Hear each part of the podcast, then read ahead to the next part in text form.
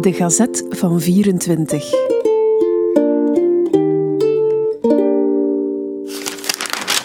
...2 maart 1924.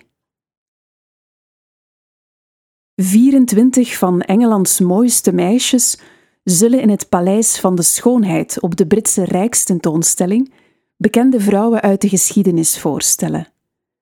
Men heeft haar uitgezocht uit film- en toneelspeelsters en figuranten, schildersmodellen en mannequins te Londen.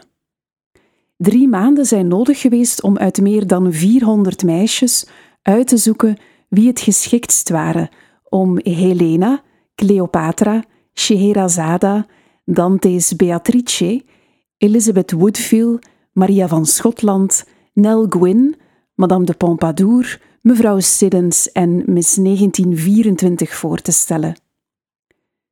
In het midden van het paleis zal een fontein van pauwen, het symbool der ijdelheid, verrijzen, en daaromheen, onder een grote blauwe koepel, zullen deze romantische figuren, geheel historisch gekleed in de omgeving van hun tijd, zich bezighouden met de vrouwelijke bezigheden uit hun periode.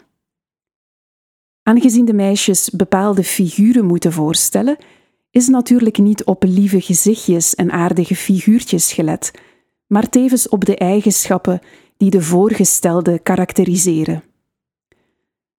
Mevrouw Couton, die voor de keuze verantwoordelijk is, heeft verklaard dat de Engelse vrouw zo afwisselend van type is en zo'n aanpassingsvermogen heeft, dat het haar geen moeite kostte de verschillende karakters bijeen te lezen.